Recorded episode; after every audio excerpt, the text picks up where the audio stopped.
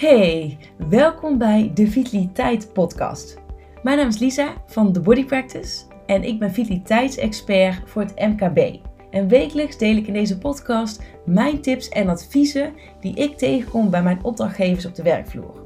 En dan kun je denken aan thema's zoals voeding, eh, lichaamsbeweging, stress en werkdruk, slaap en nog veel meer. Soms ik dit alleen en soms met een gast. Ik wens je heel veel luisterplezier.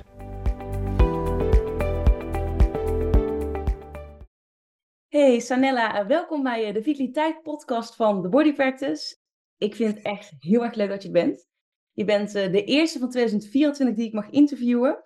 Dus uh, ja, ik kijk er heel erg naar uit. En um, waar we het vandaag over gaan hebben is over jou als persoon, maar ook zeker jouw bedrijf en de visie achter jouw bedrijf.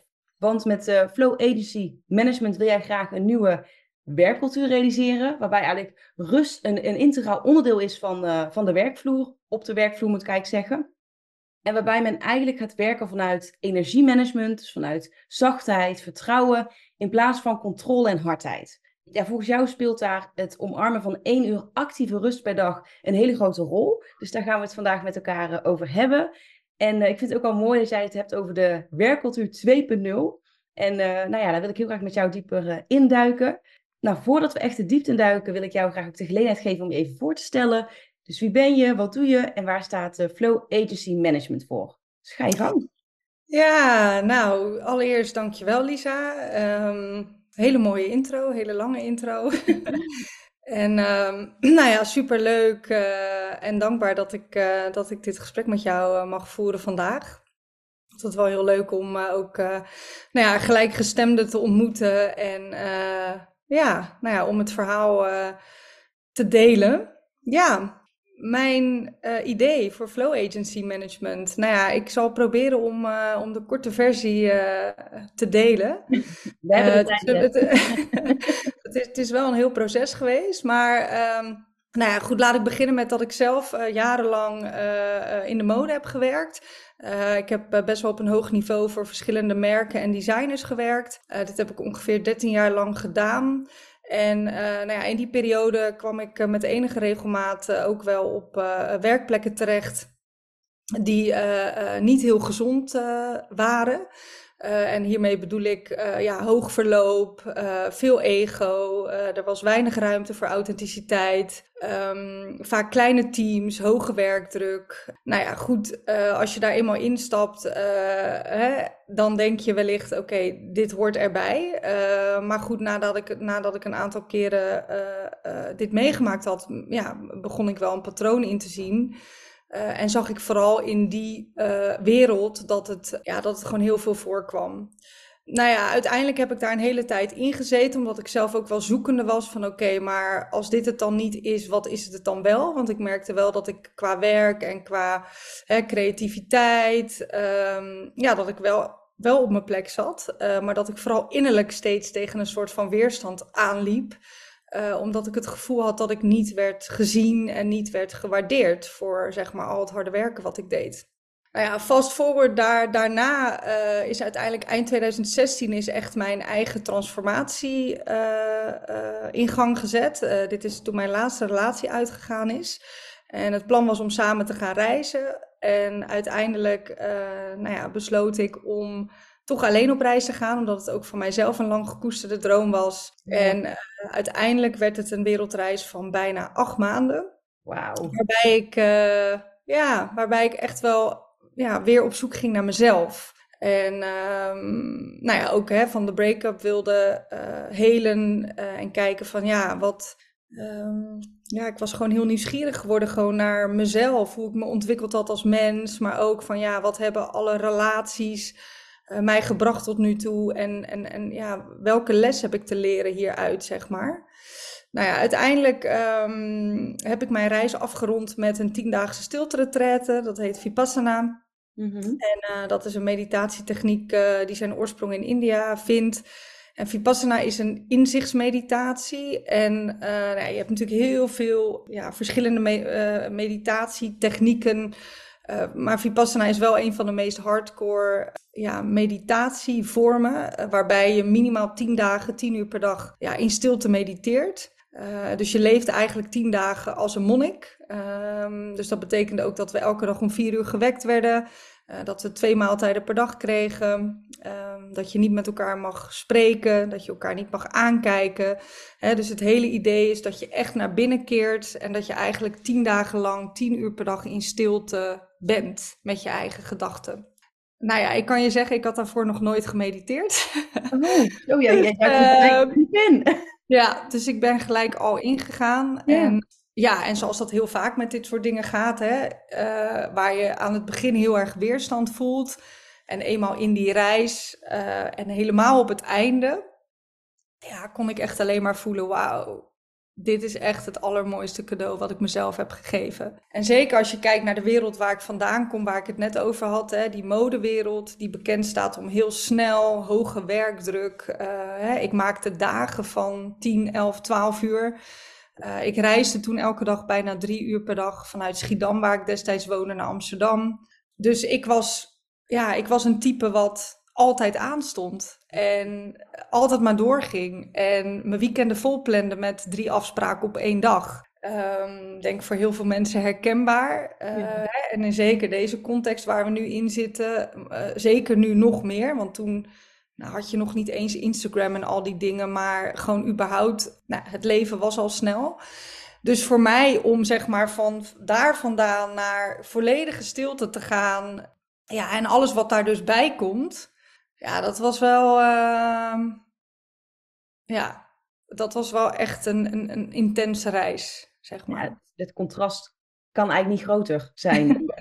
nee, nee, nee. En, uh, nou ja, en, en juist ook daardoor hè, was, was het echt een, uh, kan ik echt nu wel zeggen, het mooiste cadeau wat ik mezelf heb gegeven. Want ja, hè, het is allemaal heel cliché, maar uiteindelijk in de stilte uh, hè, en, en door echt met jezelf te kunnen zijn, met je eigen gedachten, met je eigen emoties. Um, nou ja, uiteindelijk vind je daar ook de antwoorden. Hmm. En besefte ik me te meer ook daarna dat ik, ja, dat ik gewoon heel lang echt vanuit mijn hoofd heb geleefd, eigenlijk. Um, in plaats van echt te voelen.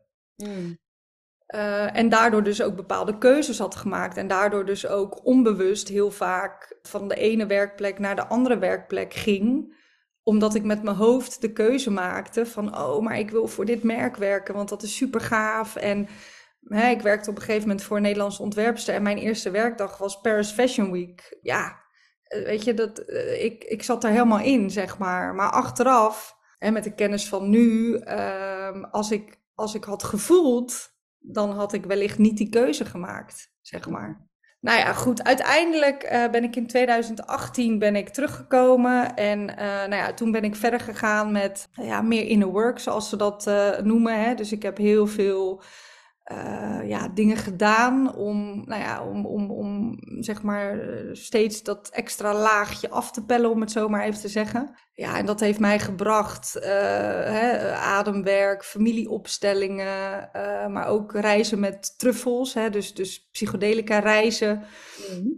wat mij ook allerlei inzichten heeft gegeven. En nou ja, uiteindelijk ben ik nog steeds wel een tijdje even in die creatieve uh, fashion uh, lifestyle hoek blijven werken. En uiteindelijk was het mijn laatste baan. ik werkte toen voor Kevin Murphy, dat is een Australisch haarmerk, ook wel in het middenhoogsegment. En ik werkte voor de Nederlandse distributeur in Rotterdam. Mm -hmm. En ik was daar aangenomen als marketingmanager en op papier super toffe functie. Ik zou een team aansturen met veel vrijheid. Nou ja, eenmaal in die baan merkte ik eigenlijk al vrij snel dat ik nummer zes op die plek was in anderhalf jaar tijd. Nou ja, dan kan je natuurlijk meteen zeggen, wow, mega red flag. Uh, nou, op dat moment, hè, met positieve energie, uh, had ik zoiets van, joh, ik ga het aan en we zien het wel. Uh, maar wel snel in de baan merkte ik van, ja, nee, dit is gewoon geen gezonde werkplek. Dus eigenlijk zat ik wederom in dat patroon wat ik al kende en waarvan ik dacht dat ik het enigszins doorbroken had, uh, kwam ik eigenlijk gewoon weer op een werkplek terecht waar nou ja, een, een toxische uh, cultuur heerste. Uiteindelijk heeft dit een half jaar geduurd. Toen kwam ik zonder baan te zitten in de zomer van 2020.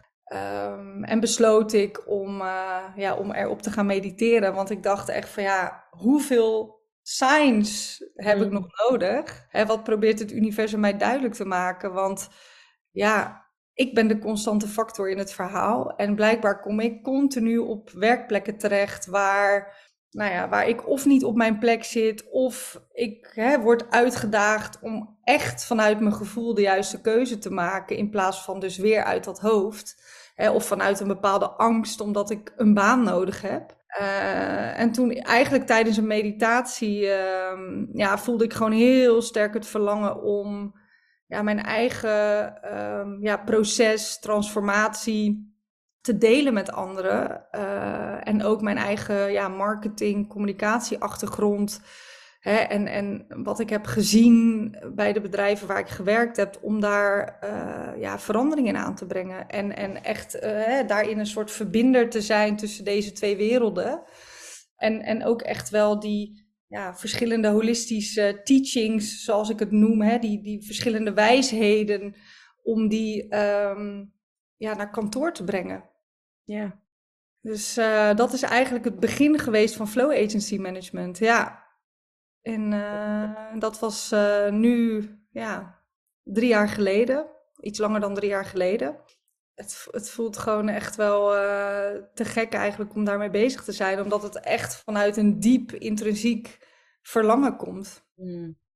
Ja, er is door jouw transformatie gewoon ook een, een nieuwe missie geboren in jou. En daar is Flow Agency uit, uit voortgekomen. Ja, ja. Ja, prachtig. Zeker. Ja. ja. Dus ja, wat ik, wat ik, hè, wat ik echt voor ogen heb, wat, wat echt mijn, mijn ja, missie is, is dat ik bedrijven wil transformeren. Ja. Uh, met behulp van verschillende holistische sessies. Hè, dus denk aan yoga, meditatie, ademwerk, sound healing. Uh, voor meer well-being onder werktijd. Uh, want ik geloof echt dat het hard nodig is dat we met z'n allen veel meer gaan voelen. En veel meer contact gaan maken met ons lijf. Uh, om ook vanuit daar beter hè, grenzen aan te kunnen geven. Beter de signalen te kunnen voelen. Ja, voordat, je, voordat het te laat is. Ja. Nou ja, en ik denk dat we het allemaal wel kunnen herkennen dat we echt wel in de maatschappij leven met wandelende hoofden. Zeker. Heel, heel rationeel, heel erg vanuit ons hoofd. En uh, nou ja, als je, als je ziet dat we ook natuurlijk eigenlijk best wel met bosjes allemaal aan het omvallen zijn. Ja, dat geeft ook wel een, een heel duidelijk signaal af natuurlijk. Want we moeten het echt anders gaan doen met elkaar. En dat begint natuurlijk bij jezelf. En dat doe jij op jouw manier natuurlijk dan bij, uh, bij, bij bedrijven op de werkvloer. Mm -hmm. En um, nou ja, voor jou heeft dus inmiddels rust ook een hele grote rol in jouw leven. Zeker, ja. Ook die holistische sessie en dergelijke. Hoe, Mhm. hoe pas je dat, dat zelf dan toe? Ja, kijk, ehm, ehm, ook voor mij hè, blijft het een uitdaging eh, om zeg maar in de echte wereld, om het zo maar even te zeggen, eh, eh, die ruimte in te nemen. Want kijk, ehm, als je in zo'n retraite zit, hè, dan wordt ja, eigenlijk de perfecte setting voor je gecreëerd. Want het enige wat je hoeft te doen is te zijn en het schema te volgen wat er is. Hè? En uh, er zijn mensen die koken, uh, er is een teacher die de sessies begeleidt, uh, er is ruimte om rust te nemen. Dus in die zin kom je ook echt tot rust, ook al is het hard werken. maar zit je natuurlijk gewoon in een setting waarin het makkelijker voor je is. Ja, en ik merk zelf natuurlijk ook hè, in de waan van de dag. Um, ik werk ook fulltime nog naast, naast het uitrollen van Flow Agency. Um, ja, waarbij ik natuurlijk ook momenten heb waarin ik getriggerd word en waarin ik uitgedaagd word. Uh, ja, of gewoon simpelweg uh, om acht uur uh, aan mijn werkdag begin. en dus voor mezelf aan het zoeken ben van oké, maar hoe kan ik ook die rust voor mezelf daarin bewaken? Of wat heb ik nodig om ook die balans te behouden? Ja, en dat gaat het ene moment gaat dat beter dan het andere moment. Uh, ik weet toen ik net terugkwam van mijn wereldreis, toen zat ik heel erg nog in die bubbel. Hmm. En toen lukte het me echt om een maand lang elke dag een uur 's ochtends en een uur 's avonds te mediteren. Uh, maar merkte ik ook wel snel dat toen ik eenmaal aan mijn nieuwe baan destijds begon, ja, ik ook zoiets had van ja, ik ga niet om zes uur opstaan om een uur te mediteren. Ja, dus het is ook wel heel interessant om te zien ja, wat je mind daarin. Uh, teweeg brengt, zeg maar. Hoe goed we zijn in het saboteren eigenlijk. Maar wat, wat, wat ik voor mezelf doe, ja, het is heel wisselend. Kijk, ik, ik, uh, ik, ik ben altijd wel heel erg bezig geweest met echt een gezonde lifestyle. Ik vind gezond zijn, gezond blijven heel belangrijk. dus ik ben iemand die uh, drie tot vier keer in de week sport. Um, nou ja, ik mediteer dus. Um, ik lig er eigenlijk over het algemeen wel elke avond tussen half tien en tien uur in. Mm um, en ik probeer dus in de ochtend tussen zeven en acht op te staan. En ik merk nu in deze tijden dat, ja, ik ben wat dat betreft een echte beer. Dus ik kan echt ook gewoon tot 10, 11 uur in mijn bed blijven liggen als ik uh, mijn wekker niet zet. Maar toevallig, dat is wel interessant, dat ik vorige week had ik een hele week een, uh, een soort van Ayurveda reset week. Ja. Waarbij we elke ochtend om half acht, van half acht tot acht uur, een, uh, ja, een webinar hadden met uitleg over Ayurveda en met een ademhaling. Of, um, nou, en toen stond ik elke ochtend tussen half zeven en zeven uur op. Uh, toen heb ik de hele week ook geen koffie gedronken, geen suiker. Uh, lag ik er gemiddeld rond half tien in. En ik voelde me echt heel goed. Hmm.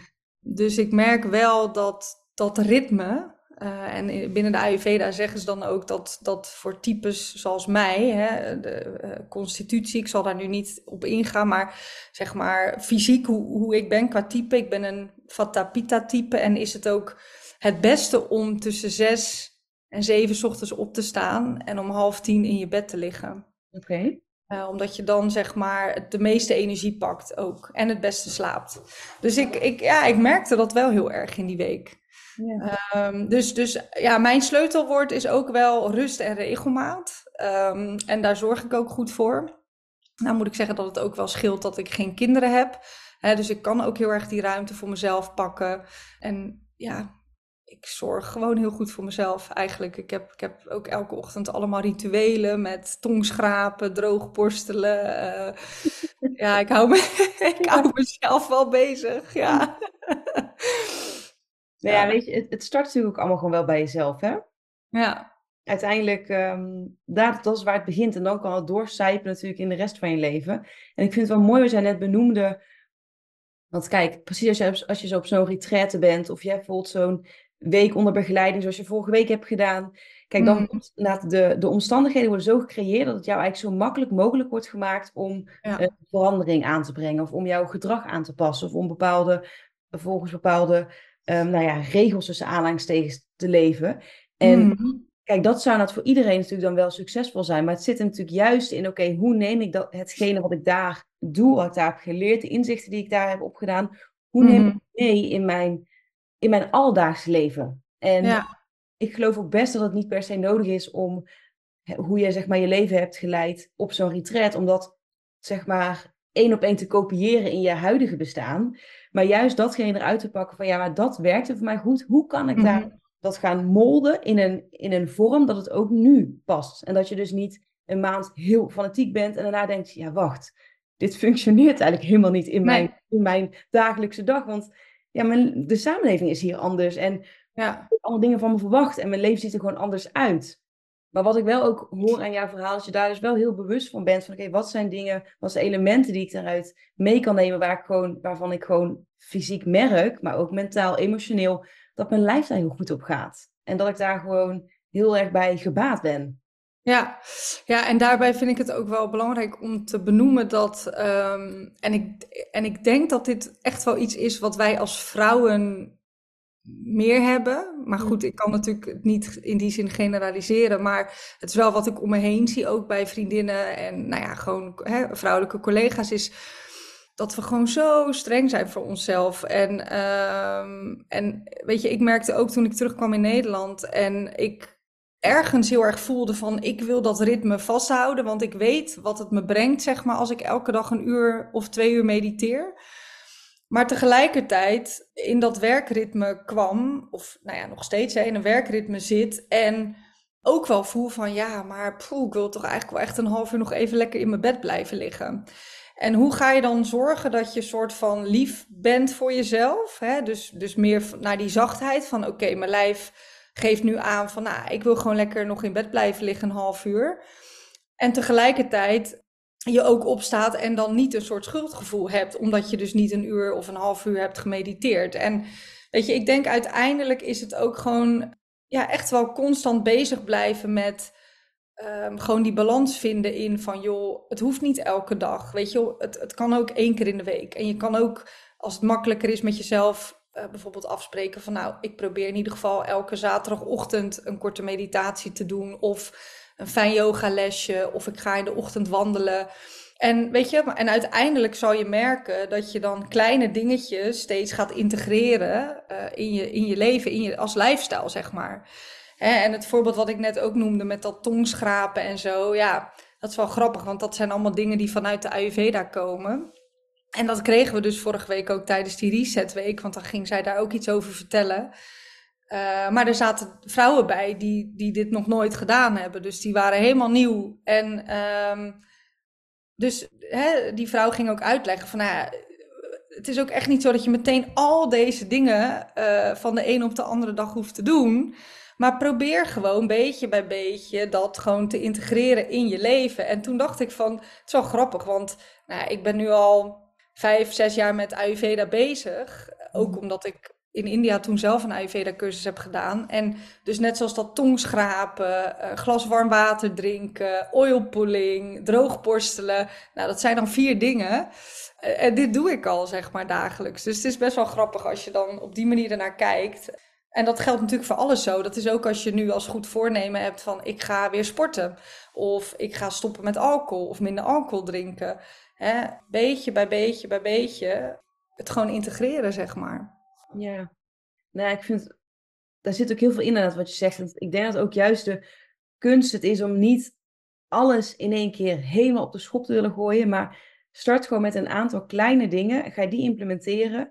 Geef het even de tijd, kijk wat het met je doet en bouw dat gewoon verder uit. Want al die kleine dingen bij elkaar opgestapeld, die maken dat jij inderdaad over een half jaar zoveel sprongen hebt gemaakt. Zo, op wat voor vlak dan ook. Hè? Of het nou een fysiek doel is, of een, dat je je mentaal, emotioneel wat, wat, wat prettiger voelt, wat meer in rust. Hè? Dat kan natuurlijk van alles zijn. Maar dat stapelen van die kleine, kleine dingen die misschien ogenschijnlijk klein lijken, maar die opgestapeld en op langere termijn zo'n groot verschil gaan maken. Zo betekenisvol voor je, voor je leven, voor je leefstijl, voor, ja, voor het geheel, zeg maar.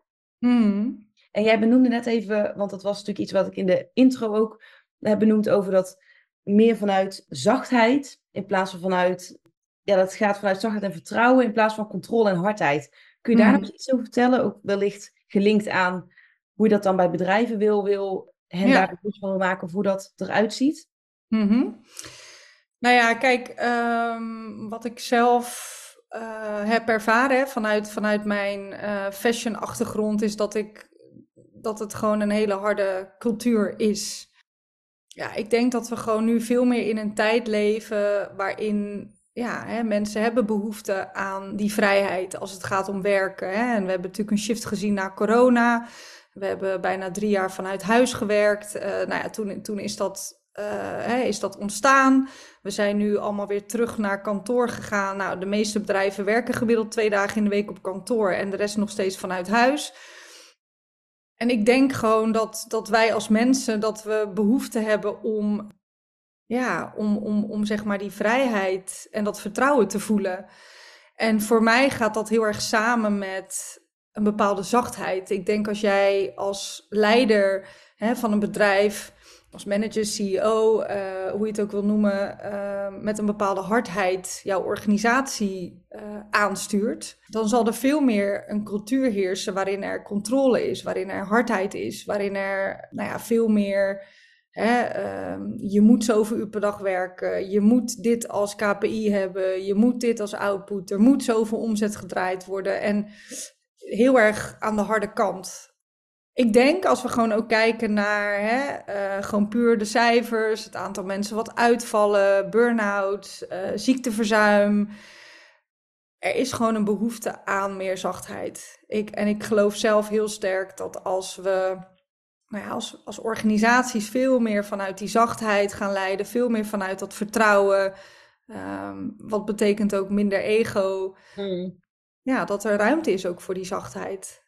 En dat je uiteindelijk ook zal zien dat dat veel meer zal opleveren. En ik denk dat het ook iets is wat we überhaupt als mens natuurlijk hè, hebben. Ik bedoel, we hebben allemaal een soort van die dualiteit. Hè? Hard zijn voor jezelf en ook lief zijn voor jezelf, zeg maar. Uh, en daarin de balans zien te vinden van, hè, ik ben goed genoeg zoals ik ben. En ja, ik ben misschien een strever, of ik wil de dingen goed doen, of ik wil een goede carrière hebben, want daar hang ik weer iets op aan. Maar ja, hoe mooi zou het zijn als je, als je soort van die twee kanten in jezelf, als je daar ook de ruimte voor krijgt op werk. Dus dat je niet altijd alleen maar, zeg maar, die harde werker hoeft te zijn, die 8, 9, 10 uur per dag aanstaat en alleen maar op prestatie en alleen maar naar die harde kant. Uh, maar je ook gewoon die zachtheid mag laten zien. En dat het, maar dat het ook soort van erkend wordt dat we gewoon geen robot zijn, weet je wel. We zijn mens. En um, um, nou ja, waar ik het net ook over had, bijvoorbeeld hè, als je het hebt over energie. Ik was de vorige, vorige week de hele week mega energiek. Dus als ik dan kijk naar output qua werk en gewoon hoe ik mijn dingen deed, nou, ik zat helemaal in de flow, zeg maar. Ja. Maar ik heb ook dagen dat ik echt denk, nou, ik krijg niks uit mijn handen ja, ik denk dat je kunt afvragen van, ja, weet je, hoe, hoe ga je daarmee om, zeg maar. En ik geloof zelf veel meer in, in, in werken op energie en echt op output. En niet zozeer in het traditionele beeld van, oh, we moeten acht uur per dag werken, we moeten negen uur per dag werken. Ja, in mijn beleving is dit echt een illusie die we met elkaar in stand houden. Ja, sterker nog, ik durf nog wel zo ver te gaan met te zeggen dat dat gewoon heel gedateerd is. Ja dat is gewoon niet meer van deze tijd en ook niet eens meer mogelijk in deze tijd. Nou ja, überhaupt denk ik ook niet dat het mogelijk is. Want precies wat jij zegt, we zijn geen robots, we zijn geen computers die je. We, we kunnen onszelf niet ochtends, als we uit bed gaan aanzetten, verwachten dat je de hele dag gas erop, rammen, kaart werken en dan s'avonds druk je de knoppen uit en je gaat in slaap. En zo gaat het maar gewoon door. Nou ja, en sommige mensen, hè, als je het hebt over uh, vaders, moeders, die, die dus een gezin hebben, die beginnen gewoon aan hun tweede baan op het moment dat ze klaar zijn. Hè? Dus um, ik bedoel, ik, ik, ik zit soms echt ook met verbazing als ik mijn collega's hoor. Ik, heb, ik werk veel met vrouwelijke collega's en denk ik, wauw, weet je wel, dan stopt de werkdag om vijf of om half zes, maar dan gaan ze naar huis en dan hebben ze nog kinderen die ze, waar ze voor moeten zorgen of een partner of wat dan ook. En dan denk ik, jeetje, ja, weet je, en, en, en dat wordt denk ik ook, hè, eh, gewoon in deze tijd van waarin privéwerk heel erg gemixt is, dat ook die ruimte mogelijk wordt gemaakt. Kijk, en ik denk, weet je, we hebben in coronatijd hebben we het gezien, toen kon het, of toen moest het noodgedwongen. Je kan mij niet vertellen dat alle ouders die thuis met kleine kinderen waren, omdat die kinderen niet naar de opvang konden gaan, dat die allebei mega productief aan het werk waren, zeg maar. Hè? De acht uur of, of negen uur per dag die ze moesten zijn. Maar toen werd er een soort van dit gedaan, hè? zo van uh, uh, het kan. En nu gaan we weer naar kantoor en nu zie je eigenlijk langzaam dat er dat zeg maar de kantoordagen een beetje worden verbloemd onder het stukje van ja, maar dan, dan, dan zien we elkaar en dan is er verbinding en maar eigenlijk zie je hier en daar ook wel weer een soort controlecultuur ontstaan. Omdat mensen dus op kantoor zijn en het soms voor managers of, of, of hè, uh, CEO's mogelijk is om dan, nou ja, het, wat meer grip daarop te krijgen. Ik geloof daar zelf gewoon echt niet in. Ik denk, uh, um, ik denk dat het gewoon inderdaad heel erg ouderwets en achterhaald is. En, en, en nou ja, weet je, we hebben ook gewoon te maken met de jongere generatie natuurlijk nu, generatie Z. En als je kijkt naar hoe zij in het leven staan, als je kijkt naar wat zij belangrijke waarden vinden, hè, en dat is vooral dat stukje vrijheid en vertrouwen, ja, dan moeten bedrijven uh, gewoon zich hierop aan gaan passen. Dus gaan ze gewoon geen, geen mensen vinden. Nee, en wat je ook omschrijft is, je hebt, we hebben natuurlijk coronatijd zit ergens nog heel vers in ons geheugen. Ook al voelt het ergens ook alsof het al heel lang geleden is. Kijk, dat was natuurlijk het ene uiterste. Wat we daarvoor hadden was het andere uiterste in de zin van... je moet vijf dagen in de week naar kantoor.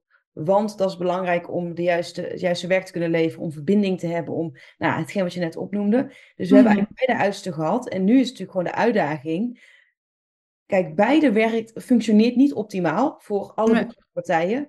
Hoe kunnen we ergens in het midden uitkomen, waarbij er aandacht is voor iemand zijn leefstijl in totaliteit, dus hè, werk, privé, waarbij er inderdaad ruimte is voor vertrouwen, voor zachtheid, voor veel meer vanuit energie werken. Waardoor in principe ben ik van mening dat uiteindelijk iedereen daarin in kan floreren. Maar goed, dit is natuurlijk wel veel makkelijker gezegd dan gedaan. En dat is wel een uitdaging waar we in de fase waar we nu in zitten, om daar heel erg te gaan ontdekken met elkaar van oké, maar hoe gaan we dit dan vormgeven?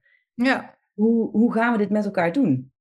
Ja, en het is ook een uitdaging. Je zou bijna kunnen zeggen dat het maatwerk is. En dat is natuurlijk lastig, want als jij een organisatie bent met honderden of duizenden man personeel, dan snap ik ook wel dat je. Uh, dat je niet per persoon, uh, bij wijze van spreken, daar een afgesteld uh, tijdschema voor kunt creëren. Maar ik denk vooral dat het hem echt zit in gewoon echt dat stukje vrijheid en vertrouwen. Weet je, mensen hebben op papier gewoon een contract voor een x aantal uur. Maar uiteindelijk hetgene wat je gewoon kan meten, is de output. Mm. En um, ja, ik bedoel, de ene persoon die kan een e-mail tikken in, in twee minuten. En de andere persoon heeft daar misschien vijf minuten voor nodig of tien minuten, omdat hij niet goed is in taal. Dus weet je, als je het op dat niveau gaat afmeten aan elkaar, van ja, wat doet dan degene die in twee minuten een mail typt, of degene die in vijf, of, hè, of als je inderdaad, ik zit bijvoorbeeld in de ochtend altijd heel hoog in mijn energie. Dus ik werk het beste eigenlijk gewoon tussen, nou, tien en twee, tien en drie. Mm. hè, maar, maar ik moet op papier tot half zes werken, zeg maar. Maar uiteindelijk, ja, hè, ehm, misschien heb ik tussen tien en twee of tussen tien en drie alles gedaan wat ik moet doen, zeg maar. En misschien meer. Of, hè, ehm, dat vind ik het interessante, zeg maar, aan werken op energie. Dat het gewoon, uh, en dat is dan misschien heel lastig van hoe ga je dat dan praktisch vormgeven. Dus denk ik van, nou ja, begin gewoon dan met meten op output. Want dat is tastbaar. Dan kan je gewoon kijken van oké, doet degene gewoon wat hij moet doen. En hoe die het doet maakt me verder niet uit. Ja, en, en vanuit daar gaan we verder, zeg maar. Ja, dat raakt natuurlijk ook gelijk heel erg een stukje vertrouwen. Vertrouwen Zeker. hebben in en vertrouwen geven aan je medewerkers, ja. je team. Zo van ja, dit is wat we zeg maar onderaan de streep met elkaar gedaan willen krijgen. Kijk, als dat voor jou betekent dat je gewoon inderdaad soms ochtenden of misschien anderhalf uur midden op de dag voor jezelf nodig hebt om weer even op te laden, om naar huis te gaan, om ehm, weet ik veel wat te doen, hè, vul het zelf in. Maar uiteindelijk bereiken we met elkaar wel gewoon die output. Dan is dat ook eigenlijk het belangrijkste. En dan, ja. wat maakt het dan ook uit hoe je dat precies doet? En dat is ook niet iedereen dat op dezelfde manier doet. Want we zijn allemaal ons unieke zelf. En niemand is hetzelfde. Nee, precies dat. En als we dit nou um, gaan linken aan dat voor jou één uur actieve rust natuurlijk een heel belangrijk onderdeel is van, mm nou ja, als we het hebben over die werkcultuur 2.0, hoe, hoe klikt dat in elkaar? Of hoe, hoe zie je dat voor je? Of hoe is dat tot stand gekomen, die echt die één uur actieve rust? Ja, ja dat, dat is natuurlijk uh, inderdaad van hoe kom je dan bij één uur? Nou ja, hm. goed, kijk, het kan ook een half uur zijn, het kan ook drie kwartier zijn, het kan ook anderhalf uur zijn, maar ik heb gewoon voor, ja, ik, ik, ik, ik, ik hou één uur aan omdat ik dat, uh, nou ja, dat klinkt voor mij logisch en mhm. concreet. Uh, kijk, we hebben ook nu tegenwoordig hè, een uur pauze. Um, kijk, uh, het zit hem voor mij heel erg echt in het stuk van actieve rust onder werktijd. Wat ik, wat ik zie nu bij veel bedrijven is dat ze met de beste bedoelingen tools aanreiken voor medewerkers om op een andere manier bezig te zijn onder werktijd. Hè? Het zij met een boekslesje of inderdaad ook een yogales. Of... Maar ik zie het heel vaak pas aan het einde van de dag. Hè, dus bij ons op het werk ook, uh, kan je op dinsdag om vier uur kan je een boksles volgen. Hartstikke leuk en hartstikke goed dat dat gedaan wordt. Maar ik denk zelf dat, uh, dat men veel meer baat heeft als dat na twee uur meetings plaatsvindt, bijvoorbeeld. Als je het dan weer hebt over die energieverdeling. Hè? Want ik bedoel, um, je wil uiteindelijk dat mensen zich energiek voelen, zodat ze productiever wellicht kunnen zijn. Of niet eens productiever, maar zich gewoon beter voelen. Of wellicht meer focus hebben op dat moment, omdat ze nog een stuk moeten afmaken of wat dan ook. Dus ja, mijn visie is heel erg, uh, zet nou één uur per dag dat moment van rust in. En dat kan je op verschillende manieren invullen. Nou ja, hè, ik bied met Flow Agency heel erg de, lichaamsgerichte sessies aan. Dus in mijn ideale wereld uh, hebben organisaties nou, hè, op de 1, 2 kantoordagen die ze hebben. Bij de meeste zie je nu dinsdag, donderdag. Uh, dat ze bijvoorbeeld uh, in de ochtend tussen 10 en 12 of tussen 2 en 3 dat ze iets aanbieden. En dat je dus ook bewust na een uur of twee uur aan meetings, dat je echt dat uur hebt, hebt om even niks te doen en op te laden.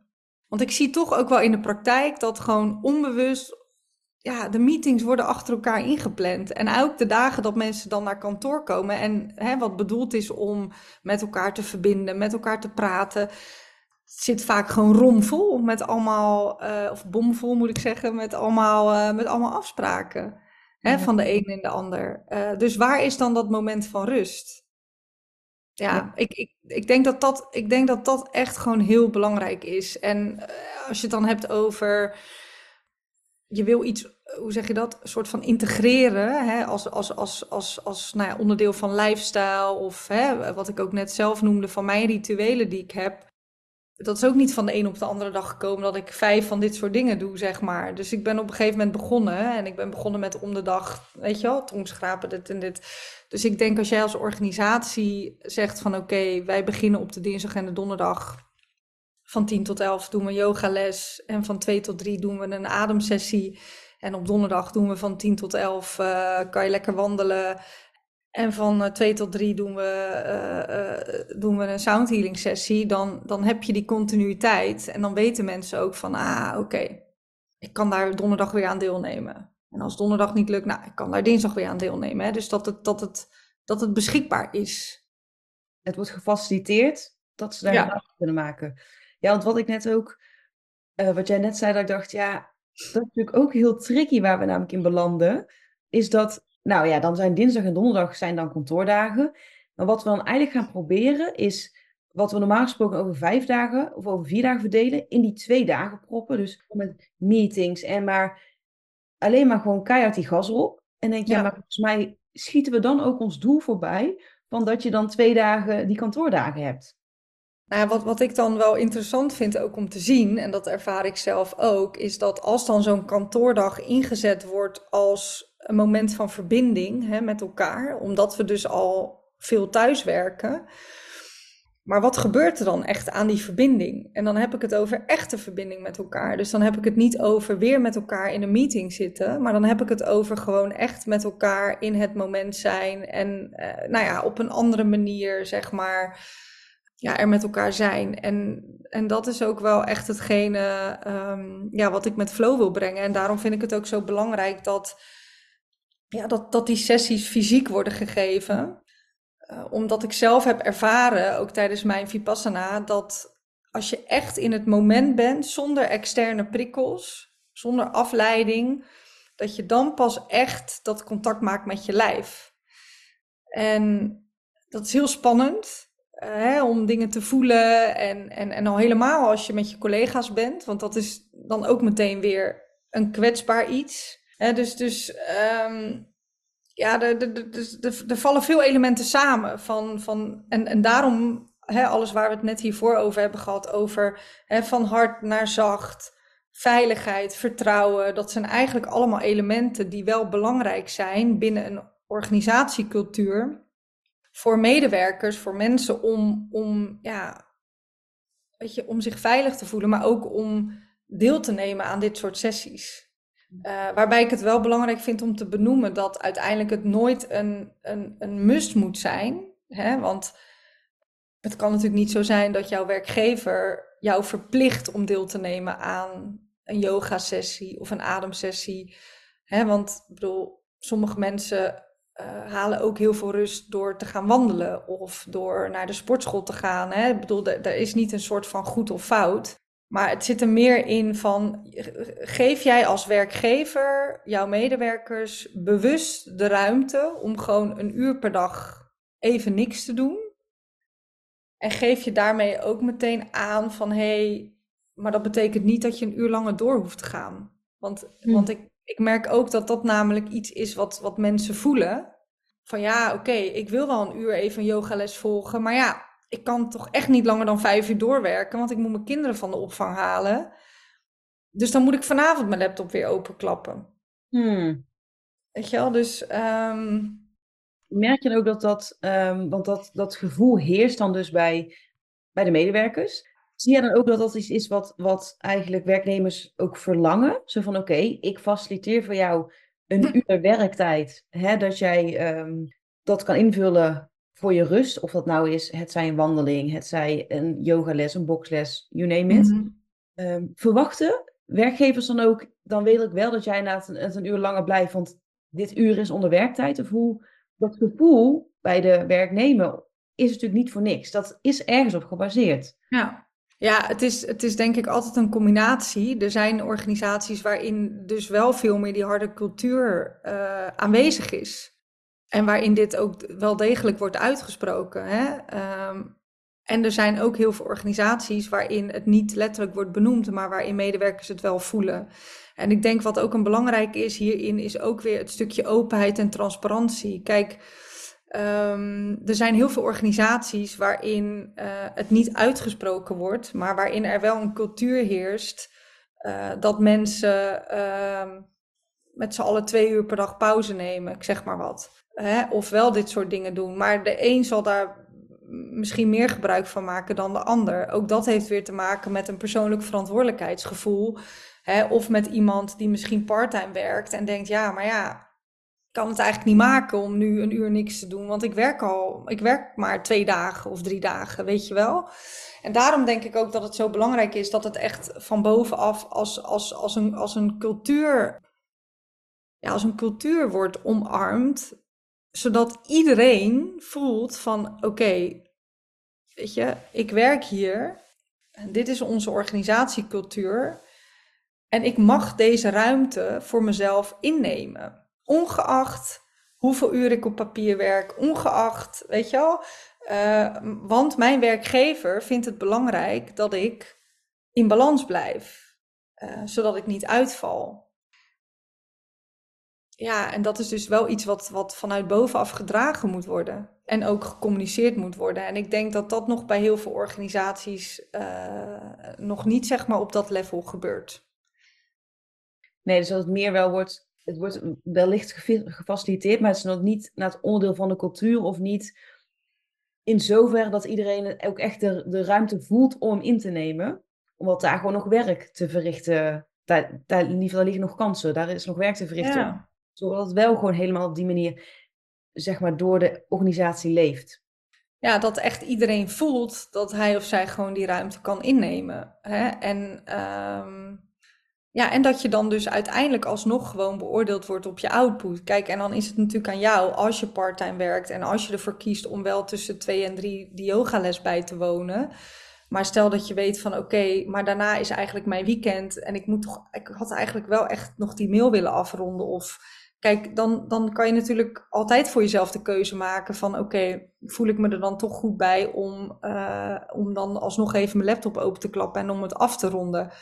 Maar dan is het jouw keuze, uh, maar dan is het niet het gevoel van ja, maar ik moet dit afronden. Je ziet gewoon in de praktijk dat het, dat het echt heel persoonlijk is en dat toch wel vaak de mensen die neigen naar uitval, Hè, dat zijn mensen die hebben een hoog verantwoordelijkheidsgevoel, zijn over het algemeen perfectionisten. En ook mensen die het lastig vinden om hun grenzen aan te geven. Ja, hoe mooi zou het zijn als er een ruimte wordt gefaciliteerd waarin dat gewoon kan. En waarin je ook eigenlijk bevestigd wordt van hé, hey, maar je doet gewoon je best. Je doet wat je kan doen. En uiteindelijk als gewoon aan het einde van de maand of whatever, aan het einde van het jaar gewoon gedaan is wat er gedaan moet worden, dan is dat oké. Ja. ja, zoals je nu ook omschrijft, dat eigenlijk de personen die het het hardst, nou ja, nee, ik moet het anders zeggen, die er heel erg gebaat bij zijn, die vinden het wellicht juist het moeilijkst om er die ruimte voor te nemen en zichzelf te mhm. geven, omdat ze juist met dat grote verantwoordelijkheidsgevoel rondlopen. Uh, ja, net wat jij het allemaal omschrijft. Terwijl zij juist waarschijnlijk wel heel snel verschil zullen merken als ze daar wel de ruimte aan geven en, en het ook innemen. Ja, en uiteindelijk denk ik ook dat je als organisatie gewoon moet afvragen van wat, wat wil je voor werkplek zijn? Uh, als jij het hebt over wij willen dat onze mensen uh, zich kunnen ontwikkelen, dat ze kunnen floreren, dat ze ten alle tijde de beste versie van zichzelf kunnen zijn. Ja, wat betekent dat dan voor jou? Hè? En um, betekent dat dan dus ook dat je de tools aanreikt voor mensen om de beste versie van zichzelf te worden. En dat kan ook betekenen dat mensen uiteindelijk tot de conclusie komen van hé, hey, ik heb misschien met mijn hoofd voor deze werkplek gekozen of vanuit een bepaalde angst omdat ik een inkomen nodig had. Maar door meer te voelen merk ik eigenlijk dat dit niet mijn werkplek is en kies ik ervoor om te gaan. Hoe mooi zou het zijn als, als, als dit gewoon gestimuleerd wordt? Uh, hè, dat het er gewoon dus mag zijn, zeg maar. En kijk, je ziet ook natuurlijk in, hè, dat veel mensen, en inclusief ikzelf in deze tijd, het is niet alleen hè, het werk of de werkdruk die je mogelijk ervaart, maar het is gewoon überhaupt het leven, de keuzes die we maken. Hè? Uh, kan je wel of geen huis kopen? Wil je wel of geen kinderen? Hoe wil ik mijn leven inrichten? Wil ik nog naar het buitenland? wat heb ik voor verlangens? Hè? Al dit soort vragen uh, die je ook gewoon meeneemt naar je werk. Is daar ruimte voor om, om, om, om, zeg maar, om, de, om, om daarmee aan de slag te gaan en om te gaan voelen van maak ik nu echt de keuzes vanuit mijn hart of vanuit mijn hoofd? Ik, ik gebruik heel vaak zo'n soort quote van Richard Branson. Dat vind ik altijd wel mooi. Hij heeft zo'n zo'n uitspraak van train people well so they can leave. Treat them good so they will stay. En ja, dat vind ik echt wel een hele mooie. Want voor mij is dat ook echt wat een goede manager is. Iemand die vanuit vertrouwen, nou ja, zijn medewerkers, weet je wel, alle ruimte geeft en vrijheid geeft om de beste versie van zichzelf te worden. Met de kans dat diegene opstapt. Maar ik geloof dat daaronder, hè, vanuit dat stukje vertrouwen, vanuit dat stukje veiligheid, dat er ook heel veel loyaliteit ontstaat. Waardoor mensen uiteindelijk ervoor kiezen om te blijven, omdat ze zich gezien en gewaardeerd voelen.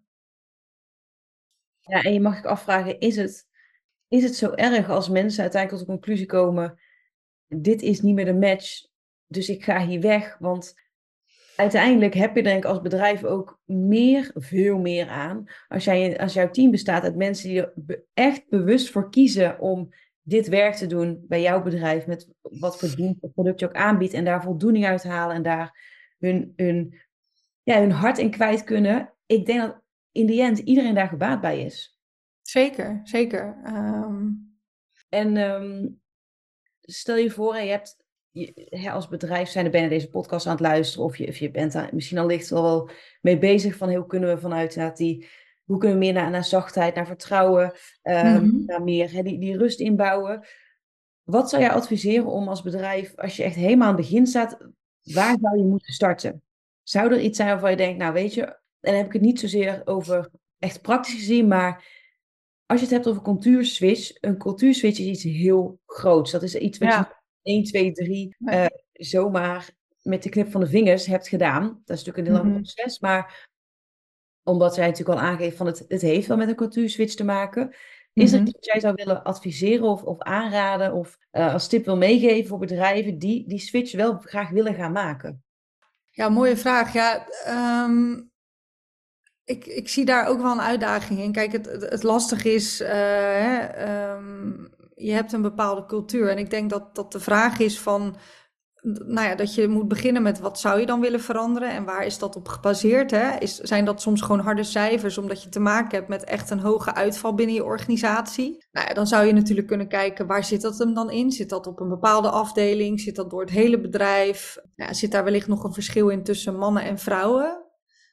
Ja, en uiteindelijk, maar dan is het puur van, van hetgene natuurlijk wat ik aanbiedt, zeg maar met flow, zou ik bijna zeggen van ja, uh, ga ook dingen uitproberen. Hè? Dus ga gewoon tools aanreiken en vanuit daar meten wat het uiteindelijk ook doet zeg maar, binnen je organisatiecultuur. Dus op het moment dat je wel nu luistert en denkt van oké, nou ja, ik vind dit, uh, dit is wel iets waar wij ook uh, over aan het nadenken zijn. Of hè, uh, um, we willen inderdaad ook meer op dat stukje vertrouwen. We willen ook iets doen met actieve rust per dag, maar hoe gaan we dat dan doen?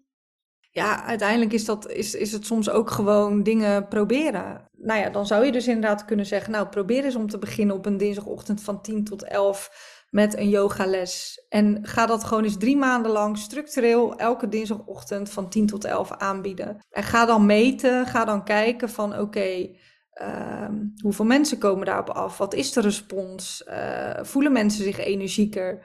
Uh, of is er juist veel meer weerstand? Hè, dus ja. Jij ook meer, steek steek gewoon even een thermometer in de organisatie. Om te kijken wat er, ja, hoe de, de, ja, de vlag erbij hangt en wat, wat de impact is. En ja, zet het ook gewoon om in, in, in actie. Ga gewoon iets doen.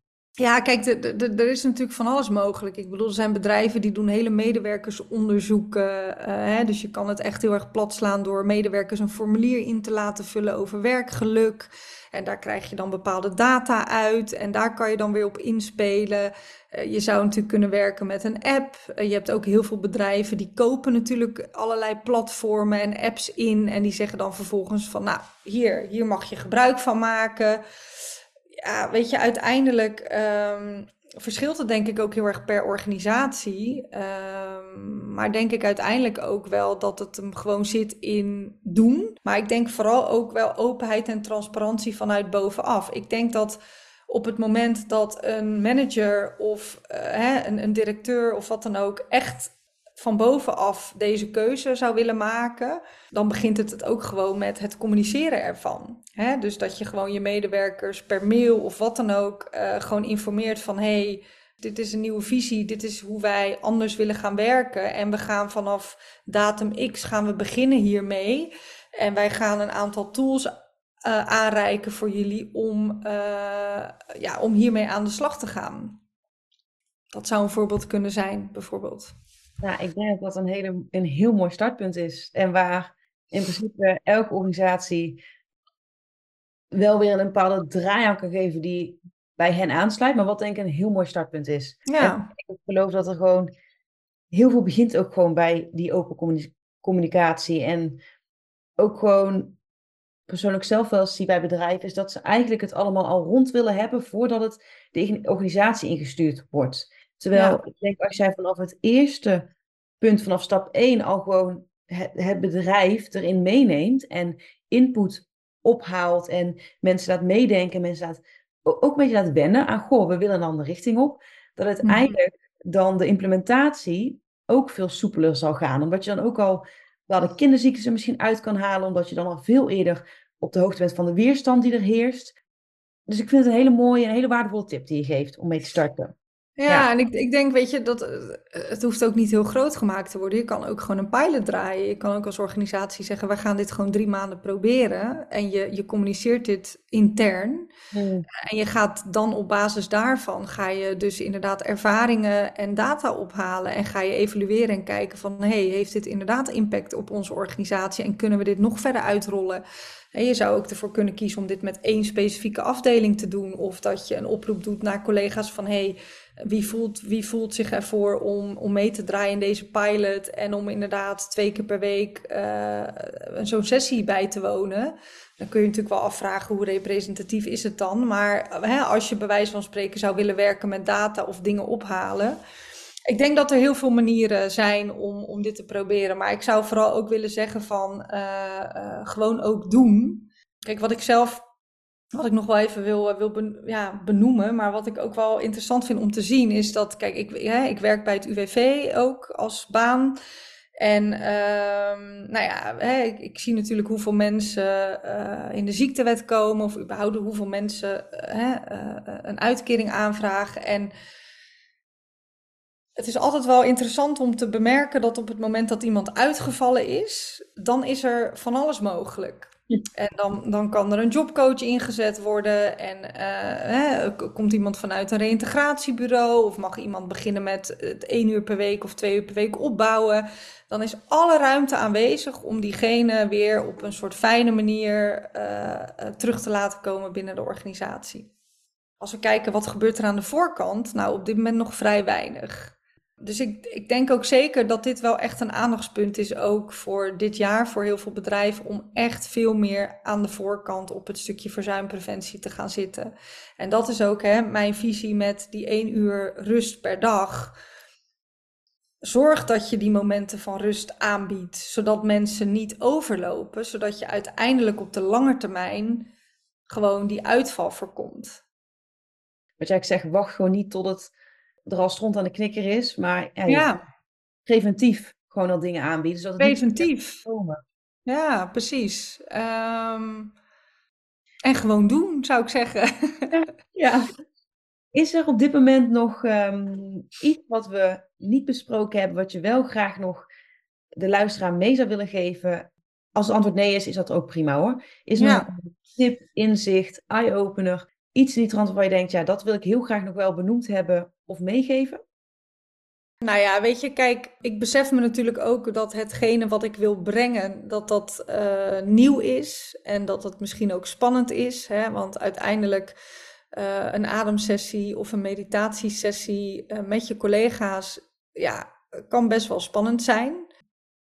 Het is zo fijn om, zeg maar, te voelen wat je, wat je echt nodig hebt. En ik denk echt dat het zoveel mensen kan brengen om, uh, nou ja, om vanuit daar zeg maar hè, in die rust te komen en om die juiste keuzes te maken. En wat uiteindelijk niet alleen op je werk, maar ook gewoon privé heel veel impact gaat, gaat, gaat hebben. Ja, en ik zou eigenlijk vooral gewoon echt uh, nou ja, bedrijven willen oproepen om het gewoon te proberen. Weet je, wij, werken ook met, uh, met introductiesessies.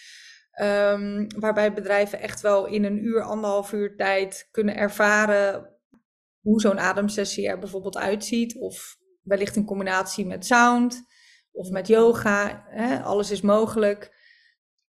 Ja, en dat het gewoon ook heel praktisch is en, en, en ook fun. Uh, hè, en, en niet alleen maar uh, ja, heel zwaar. Uh, dus, dus dat is nog wel, wel iets wat ik, ja, ik zou vooral echt gewoon ehm, nou ja, de, de, de bedrijven willen uitnodigen en uitdagen om het gewoon eens te proberen.